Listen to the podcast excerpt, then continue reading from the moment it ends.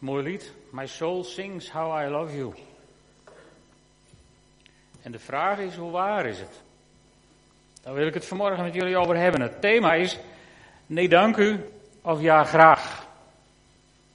En uh, soms krijg je een thema van God waar je, waar je mee worstelt en denkt van, dat durf ik dat wel? En kan ik dat allemaal wel zeggen? En goed, vandaag is het dan zover. We staan aan het begin van een nieuw jaar. Een jaar waarin, uh, waarin ik van harte geloof dat het waar is, wat we ook hebben gezongen. Greater things are yet to come, greater things are still to be done. En ik heb ervoor gekozen om te geloven dat 2007 een jaar gaat worden van bijzondere dingen. Een jaar waarin we, waarin we de grootheid van God op een andere manier gaan beleven. Op Oudejaarsavond heb ik met u stilstaan bij Psalm 130 en ik wil even refereren aan een klein stukje, aan twee versen Namelijk uh, vers 5 en vers 6. En als het goed is, ja, waar we hebben gezien, ik zie uit naar de Heer. Mijn ziel ziet uit naar Hem en verlangt naar Zijn woord. Mijn ziel verlangt naar de Heer meer dan wachters naar de morgen. Meer dan wachters uitzien naar de morgen. En ik heb toen drie opties aangereikt waarop je dat verlangen van je ziel bevredigd zou kunnen zien. De Heer komt terug. Jij of ik ga naar de Heer. Of de Heer openbaart zich hier door zijn geest. Nou, die eerste optie, daar ga je niet over. De tweede optie, ik weet niet hoe het is, maar die proberen wij als mensen allemaal zo ver mogelijk uit te schuiven. Zo lang mogelijk uit te stellen. En als er zich in je lichaam iets aandoet, waardoor de kans ontstaat dat je naar de Heer mag gaan, hollen naar de dokter om te proberen daar toch een stokje voor te steken. Maar die derde optie, die derde optie, die is volgens mij heel interessant voor het nieuwe jaar wat voor ons ligt. En ik geloof dat wij mensen, kinderen van God op deze wereld zijn, om als priesters van Gods koninkrijk mee te werken aan die derde optie. Als priesters van Gods koninkrijk. Het is, eigenlijk is deze preek ontstaan uit, uit dit begrip. In Exodus 19, vers 6, daar heeft God zijn volk net bevrijd, verlost uit de slavernij van Egypte. En zegt tegen ze, een koninkrijk van priesters zul je zijn, een heilig volk. En vervolgens heeft God ons net bevrijd uit de slavernij van de zonde. En komt Petrus hierop terug. En die zegt tegen de mensen die christenen zijn geworden. U bent een uitverkoren geslacht. Een koninkrijk van priesters. Een heilige natie. Een volk dat God zich verworven heeft om de grote daden te verkondigen van Hem die u uit de duisternis heeft geroepen naar zijn wonderbaarlijke licht. Dat is niet iets wat je kunt worden, dat is niet iets waar je moet streven, dat is iets wat je bent. Tenminste, volgens mijn Bijbel ben je dat gewoon. Maar het is wel interessant om eens even te kijken hoe je dan priester wordt. En daar wil ik vanmorgen met jullie even bij stilstaan. Hoe word je priester? Stap 1. Staat in Exodus 29, vers 4, waar, het gaat over de eerste keer dat er priest moeten worden ingewijd. En dan krijgt Mozes de opdracht van God om Aaron en zijn zonen naar de ingang van de ontmoetingstent te laten komen en hen daar te reinigen met water. En, en als je afvraagt hoe dat ging, dat was een rituele wassing, waarbij, waarbij de kandidaat priester werd ondergedompeld in schoon water om vervolgens reinigd verder te gaan in het proces om priester te worden. Maar hier begon het. En net zo begon het volk van Israël, wat was opgeroepen om priester en, en koninkrijk te zijn, een heilig volk. Net zo moest het volk, toen ze uit de slavernij van Egypte waren verlost, door de Rode Zee trekken. Als symbool voor ditzelfde. En zo is de doop ook noodzakelijk voor ons, zodra we verlost zijn door de genade van Jezus Christus uit de slavernij van het koninkrijk van de zonde, dan is dit de volgende stap. En dat is geen megaprestatie, het is veel eer een mogelijkheid die, die God ons aanbiedt van kijk, dit heb ik voor je klaargemaakt om een volgende stap in je leven te zetten. En de vraag is hoe je daarop reageert. Op dat aanbod van God. Nee, dank je. Of ja, graag. En, en dat neutrale terrein van nou misschien komt het nog wel een keer, dat is een leugen. In mijn ogen. Daar hou je jezelf voor de gek. Je wilt het of je wilt het niet. Graag of glad niet, zeggen we dan. Dat is volgens mij hoe God erin staat met dit aanbod. Wil je priester worden van God? Wil je beginnen bij stap 1? En als je die stap gehad hebt, gaan we door naar de volgende stap. Voor die priester moet er dan een stier worden gehaald. En, en de kandidaat priester Aaron en zijn zonen, die moesten hun handen op de kop van de stier leggen. Niet om de stier te zegenen, maar om hun zonden op die stier over te dragen. En dan werd dat dier geslacht bij de ingang van de tabernakel of later van de tempel. En dan werd er van dat bloed genomen en dat werd gestreken op de priester die bezig was met zijn proces om priester te worden. En uh, door een bijzonder ingrijpen van God is dit proces veel gemakkelijker geworden dan het toen leek. In 2 Korintiërs 5 vers 20, daar lezen we, God heeft hem die de zonde niet kende, zijn zoon Jezus Christus, voor ons ingemaakt met de zonde. En je moet het net zo zien als beeld van die stier. Eigenlijk hebben wij als zondige mensen, toen we Jezus ontmoetten, onze handen op het hoofd van Jezus gelegd, al onze zonden op Hem overgedragen. En toen is Hij voor ons de dood ingegaan aan het kruis en heeft daar al onze ongerechtigheden mee naartoe genomen. En er definitief mee afrekend. En dat bloed, dat hoeft niet op ons te worden gesmeerd, maar symbolisch kunnen we dat straks tot ons nemen in brood en in wijn. Als we vandaag avondmaal vieren, is dit wat we vieren.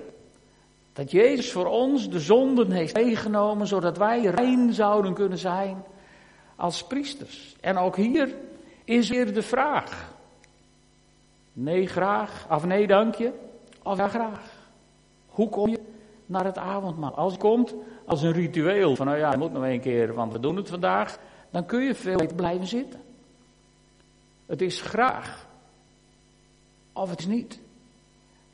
Ik geloof dat de tijd waarin wij als kerk in het Westen, in dat grijze gemiddelde niemandsland kunnen blijven, die tijd is voorbij. Het wordt tijd om te kiezen. Tijd om duidelijk te zijn in waar je wilt staan tegenover God. En als je dan als priester gewijd bent door water en bloed, dan ben je opnieuw geboren, zodat de geest God in jou kan komen wonen. En die geest deelt zich door ons uiten. En de vraag is, zijn wij als hedendaagse christenen bereid om ons te laten gebruiken door de Heilige Geest, zodat de kracht van God zich kan manifesteren in onze omgeving? Willen we dat überhaupt? Of zeggen we daar ook weer nee dank u? Ook daar geldt dezelfde vraag. Nee dank je of ja graag. Weet je, het is heel merkwaardig. In Handelingen 2 vers 4, dan lezen we voor het eerst over de uitstorting van de Heilige Geest. En daar wordt één gave specifiek verbonden aan de uitstorting van de Heilige Geest. Daar staat, en ze begonnen in andere tongen te spreken zoals de Geest het hun gaf uitspreken. Alle andere gaven die wij toebedelen aan de Heilige Geest worden hier niet genoemd. Alleen deze ene, kennelijk, is belangrijk. En het typisch is dat dit in, in heel veel gemeentes de meest omstreden gave is in discussies van moet dat of moet het niet. Het is ook daardoor volgens mij de meest verwaarloosde gave geworden in heel veel gemeentes. Want volgens mij hebben we namelijk het kind met het badwater weggegooid. Omdat er wel eens dingen niet goed gingen. Omdat we wel eens fout zijn gemaakt. En ik weet het. Je kunt, je kunt niet tegen iemand zeggen, joh, als jij niet in tongen spreekt, woont de Heilige Geest niet in je. Het is in strijd met de Bijbel. Maar je kunt ook niet tegen iemand die wel in tongen zegt, nou dat is een mooi bewijs. Nee, het is geen bewijs. Het is de Geest die zich in onuitsprekelijke verzuchtingen wil uiten door mensenkinderen. Om te communiceren met God op een kanaal je zou het soort, uh, heet het niet, een Tor-kanaal op internet, waar niemand anders achter kan komen wat hij met God communiceert. Het is belangrijk in de mensenleven om, om deze gave toe te laten. En ik zeg bewust niet dat je in deze gave moet functioneren, want dan lijkt als jij of ik het doet. De vraag is alleen, Zijn wij als kinderen van God van deze tijd bereid om de Heilige Geest door ons heen dingen te laten doen die we misschien wel eens even niet begrijpen? Want wij zijn, wij zijn wel heel erg christenen van het woord geworden. En begrijp me goed, ik heb daar niks op tegen. Het is erg belangrijk om christen van het woord te zijn. Maar het woord heeft het heel vaak over, over de gaven van de Heilige Geest, die door mensen tot uit komen. En als we dan christenen van het woord zijn, dan moeten we niet bij de theorie blijven hangen, maar dan wordt het tijd om, om in de praktijk te gaan functioneren, zodat het koninkrijk van God zichtbaar wordt in deze wereld. En God is daarvoor op zoek naar jou. En weet je, dan kom je terecht bij de gaven van de geest. Dan kom je al gauw terecht in 1 Korinthe 12. En daar wil ik ook met jullie heel even bij stilstaan. Maar de vraag is nog steeds, hoe reageer je op nee dank u of ja graag? Hoe open sta je voor het werk van de Heilige Geest? Ik wil met jullie even kijken naar een paar versen. Ik ga niet nu vanochtend heel 1 Korinthe 12 behandelen, want daar hebben we de tijd niet voor. Maar er zijn drie punten die ik er even uit wil halen. En ik gebruik de vertaling zoals die in de NBG staat. Is in mijn ogen nog steeds de beste vertaling van wat er in de grondtekst staat. Want alle vertalingen beginnen in vers 1 met een verhaal over de gaven van de geest. Maar het woord charismata, wat gaven betekent, dat wordt hier niet gebruikt. Dus het gaat niet over gaven, het gaat, en de NBG heeft dat in mijn ogen ongelooflijk knap opgelost. Om te zeggen, ten aanzien van de uiting des geestes, broeders en zusters, wil ik u niet onkundig laten. Het is de geest van God die zich wil uiten door mensen. En wordt er in 1 Corinthië 12 worden een heel aantal dingen genoemd, manieren waarop de geest zich kan uiten. Daar gaan we het zeker nog een keer over hebben, maar nu niet. De geest doet mensen om zich te uiten. En in vers 7 staat, aan een ieder wordt de openbaring van de geest gegeven tot welzijn van allen. Dus hier hebben we even vastgesteld wie de regie heeft. He, want je hoort soms mensen die zeggen, ik heb deze gave, ik heb die gave. Nou, met alle respect, lieve mensen, je hebt geen enkele gave. De geest van God woont in jou en die is eigenaar van de gaven. En als de geest iemand zoekt om een gave zichtbaar te laten worden, dan ben je hooguit een instrument in de hand van God. En de vraag is van hoe reageer je op zo'n impuls, op zo'n aandrang, op zo'n verzoek van de Heilige Geest? Nee, dank je? Of ja, graag? Hoe zijn we daarin? Hoeveel moed hebben we daarin? Nou wil ik even met jullie kijken naar vers 11, waar, waar Paulus zegt, toch dit alles werkt één en dezelfde geest. Die aan een ieder toebedeelt gelijk hij wil. Dus je kunt ook niet zeggen, nou de Heilige Geest wil mij niet gebruiken, want het, dat is in strijd met de Bijbel. In de Bijbel staat een ieder. Daar kun je over twisten, maar staat in het simpele Grieks gewoon een ieder. Dus er is geen ontsnappingsclausule, die er niet bij. Een ieder. En dat is spannend, want dat brengt ons, ja, dat brengt ons er dan bij van, ja, maar hoe dan? Want dan kun je natuurlijk heel passief gaan afwachten. Je kunt heel passief in een hoekje zitten en denken van nou, als ik, als ik niet te lang bid en niet te veel in tong spreek en me niet ver uitstrek, dan ziet de geest mij misschien wel niet en dan ontsnap ik wel.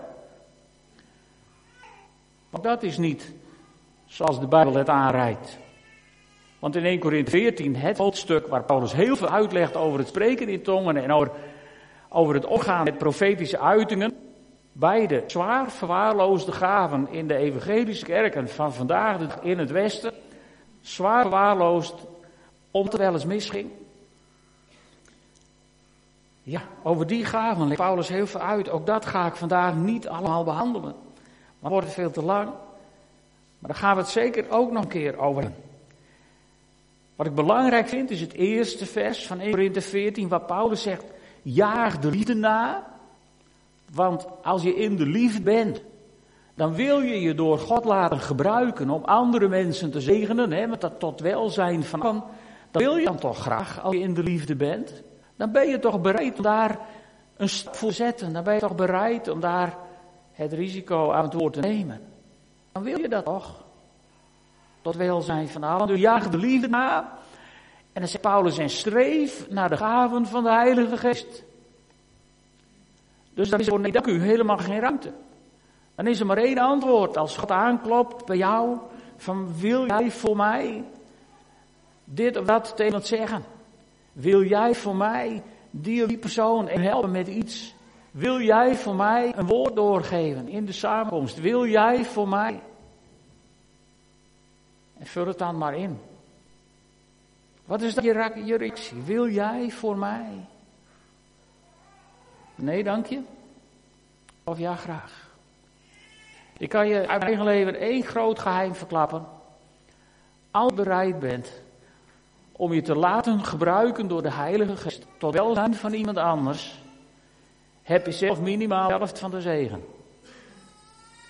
En meestal is het zo leuk om te zien wat God dan doet, dat je veel meer dan de helft van de zegen hebt. Want als je bij God gaat uitdelen, wordt er altijd vermenigvuldigd. En heb je allebei een enorme zegen van de geest te pakken. En wil je uitdagen, laat dat niet langer in je leven elke keer over het net vliegen. Wees gehoorzaam als God, Gods aandrang in jouw hart je uitdaagt om uit te stappen. Wees gehoorzaam aan God als Hij, Heilige Geest in jouw hart je vanochtend uitdaagt om inderdaad eerst stap op weg naar het priesterschap van God te zetten door je te laten reinigen in zuiver water. Als God tot je spreekt dat het tijd wordt om gedoopt te worden, wees dan gehoorzaam. En, en, stel het niet langer uit. Maar reageer naar God toe in enthousiasme, ja graag. En als we straks avondmaal vieren en als je naar voren mag komen om brood en wijn tot je te nemen, wees dan niet huiverig van zou het wel kunnen en ben ik wel goed genoeg en, en, en al dat soort leugens die de Satan over, over het avondmaal heeft gelegd. Maar kom naar voren met een houding van ja graag Heer. Ik wil deel hebben aan u. En als je dan zo gereinigd door het water en geheiligd door het bloed, gevuld bent met de Heilige Geest en de Geest die klopt van de week aan in jouw hart en zegt, zou jij voor mij? Dan daag ik uit om te zeggen, ja, graag Heer. Hier ben ik. Yes, we hebben daar zo prachtig over gezongen in het begin. All that I am, I place into your loving hands. I am yours. Is dat zo? Ik heb namelijk de neiging, en praat ook tegen mezelf, dat ik veel te vaak dan eerst even in mijn agenda kijk en even op een horloge kijk of het mij wel past. I am yours. Is dat zo? Durf je daar tegen te zeggen, ja, graag. Graag Heer. Vul mij maar met uw geest. Dring maar aan in mijn hart. Heer God, ja graag. I am yours. Of zit je nu al te aarzelen? Ik daag je uit om 2017 een jaar in jouw leven te worden, waarin dat jaar graag boven alles staat. Wat je gaat doen, wat je gaat denken, wat je gaat beleven. Dat het het absolute leidende motto van jouw bestaan gaat zijn in het jaar wat je voor de boeg hebt. Ook voor u lezen, uh, luisteraars thuis. Ja, graag. Zeg het maar tegen God. Ja, graag, Heer. Ik wil. Ik wil priester worden van de Allerhoogste God. Ik wil gereinigd worden in het waterbad. Ik wil geheiligd worden door het bloed van het lam. Ik wil gevuld worden en gebuikt worden door de geest van God. En als dat betekent, Heer, dat u mij in tongen wilt laten spreken, ja graag, Heer. Als dat betekent, Heer, dat u mij een profetie wilt laten uitspreken ergens of tegen iemand, ja graag, Heer. Als dat betekent dat geest u aandringt de handen op te leggen die ziek is en voor iemand te bidden en hem te zegenen in de naam van God, dan hoop ik dat je tegen God, ja, graag Heer, hier ben ik. I am yours. Laat dat realiteit worden in je leven. Laat dat niet, niet langer iets zijn wat we op zondag zo mooi af en toe zingen als we een tienerdienst hebben en daarna gewoon de rest van het jaar weer vergeten. Laat dat nou eens iets worden wat, wat, wat de leidraad in je leven gaat zijn. Want dan gaan we grote dingen van God leven. Want het ligt niet aan de hemel. Het ligt niet aan God. Het is volgens mij heel vaak zo dat God op zoek is naar mensen en dat hij niemand vindt die zegt ja graag. En dan zegt Paulus, het eind van 1 Korinthe 14. Kortom, broeders en zusters, streef ernaar profiteren en verhinder niet dat er in klanktaal wordt gesproken. Met andere woorden, laat God nou zijn gangen gaan. Wees eens gewoon beschikbaar voor God. En, en wat betekent dat dan? Want ik worstelde daarmee. En, en gisteravond sprak God. Sprak God, hij dende mijn gedachten eigenlijk binnen op een manier die, die heel veel jaren geleden is. En dat ga ik met jullie delen tot slot. Gisteravond zei God tegen me, kijk naar de schepping. waar moet je naar kijken? Want de schepping is zo groot, zo plek, zo uitgebreid. En toen zei God, kijk naar de schepping. Alles wat mannelijk is in de schepping, is op zoek naar zijn beeld en zijn gelijkenis in vrouwelijke vorm. Dieren, mensen. En waarom? Om zijn genen mee te delen. En als je goed naar de schepping kijkt, dan is bijna elke vrouwelijke vorm in de schepping een hele beslissende factor. Als je naar een natuurfilm kijkt en er is een, een mannelijk dier wat wil paren, dan is het vrouwtje dat zegt nee dank u of ja graag. En als het vrouwtje zegt ja graag, ontstaat er nieuw leven. En dan gaat het over. En God zei, zo werkt het. Alles wat mannelijk is, is op zoek naar zijn vrouwelijke beeld en gelijkenis. En 2000 jaar geleden was ik op zoek naar mijn beeld en mijn gelijkenis om mijn genen mee te delen. En toen vond een meisje, we hebben daar met eerst bij stilgestaan, ze heet Ria. En ze zei, ja graag, laat met mij gebeuren wat u wilt. En zo werd er een Messias geboren die de hele wereld vastte uit het koninkrijk van de zonde, uit de slavernij van de zonde. En sinds de uitstorting van de Heilige Geest is de Geest van God op zoek naar zijn beeld en zijn gelijkenis. Om zijn genen, zijn gaven, zijn charisma mee te delen. En God zoekt zijn beeld en zijn gelijkenis. Wat de keuze heeft om te zeggen: nee, dank u. Of ja, graag. En net goed als de vrouw die tegen de man kan zeggen: nee, dank u, niet dat u dood neervalt. Valt ook de mens die tegen de geest zegt: Nee, dank u, niet u dood neer. Gelukkig maar. Maar de enige partij waar nieuw leven ontstaat, dat is overal. De partij die tegen de gever zegt: Ja, graag. Ja, graag. De vrouw die tegen haar man zegt: Ja, graag. Heeft de kans om nieuw leven voor te brengen. Maria, die tegen God zei ja graag, bracht nieuw leven voort tot welzijn van allen, mag je toch op zijn minst wel zeggen. En de mens die tegen de geest van God zegt, ja graag, die zal nieuw leven voortbrengen tot welzijn allen. Let op de schepping, zei God tegen mij. Toen maakte hij me dit duidelijk. En de vraag is, wil je, wil je Jezus als realiteit ontmoeten. Voordat hij te komt. En voordat jij naar hem gaat. Wil je Jezus als realiteit ontmoeten hier en nu? Bij leven en welzijn. Wel, lieve vrienden, dan zijn er drie stappen te zetten. Het water, het bloed en de geest. En voor elk van deze drie stappen geldt dezelfde vraag. Nee, dank u. Of ja, graag.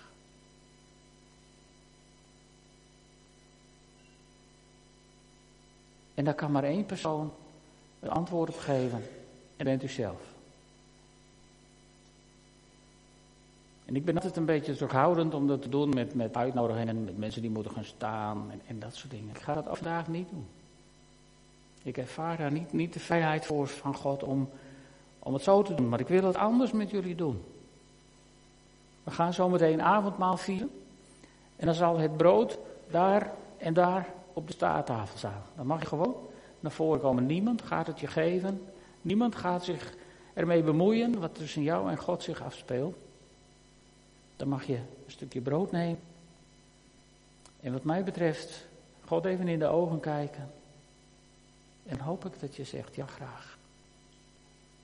En dan zal er wijn op de tafel staan hier in het midden. De bekers met de stickertjes, daar zal druivensap in zitten als je dat liever hebt. En ook daar zal niemand zijn. Tussen jou en God. Dan mag je uit de bed denken. En Melanie zal zorgen dat hij schoon heeft en vol. Maar het is tussen jou en God. Zo wil ik op deze eerste avondmaalsviering van 2017 jullie uitdagen om antwoord te geven op deze vraag uit hemel. Nee, dank u. Of ja. Zullen we gaan staan en samen bidden? Vader God, ik voel me persoonlijk ongelooflijk uitgedaagd door u. Hier zijn meer mensen deze ochtend hier in de kerk of thuis volgende week voor de radio. Die zich ongelooflijk uitgedaagd zullen voelen door u. En ik bid, Heere God, uw Heilige Geest dan zo krachtig in ons werken dat we moedig, ja graag tegen u zullen durven zeggen.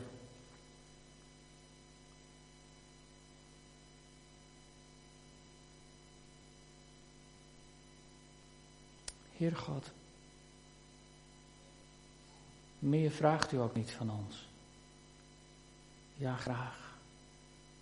En al het aan doet u, bewerkt u, initieert u, want de regie is in uw handen. En Heer, ik bid u, maar van ons allemaal. Mensenkinderen zoals Maria was. Mensenkinderen die tegen u zullen durven te zeggen, laat met mij gebeuren wat u wilt. Heer, en waar de moed ons breekt, laat uw Heilige Geest dan door ons heen stromen. Zodat we moed zullen vatten. Zodat we zullen durven. Zodat we niet meer tegen het houden zijn. Laat vandaag zo een cruciale dag worden in ons bestaan. Dat bid ik van u in de naam van Jezus.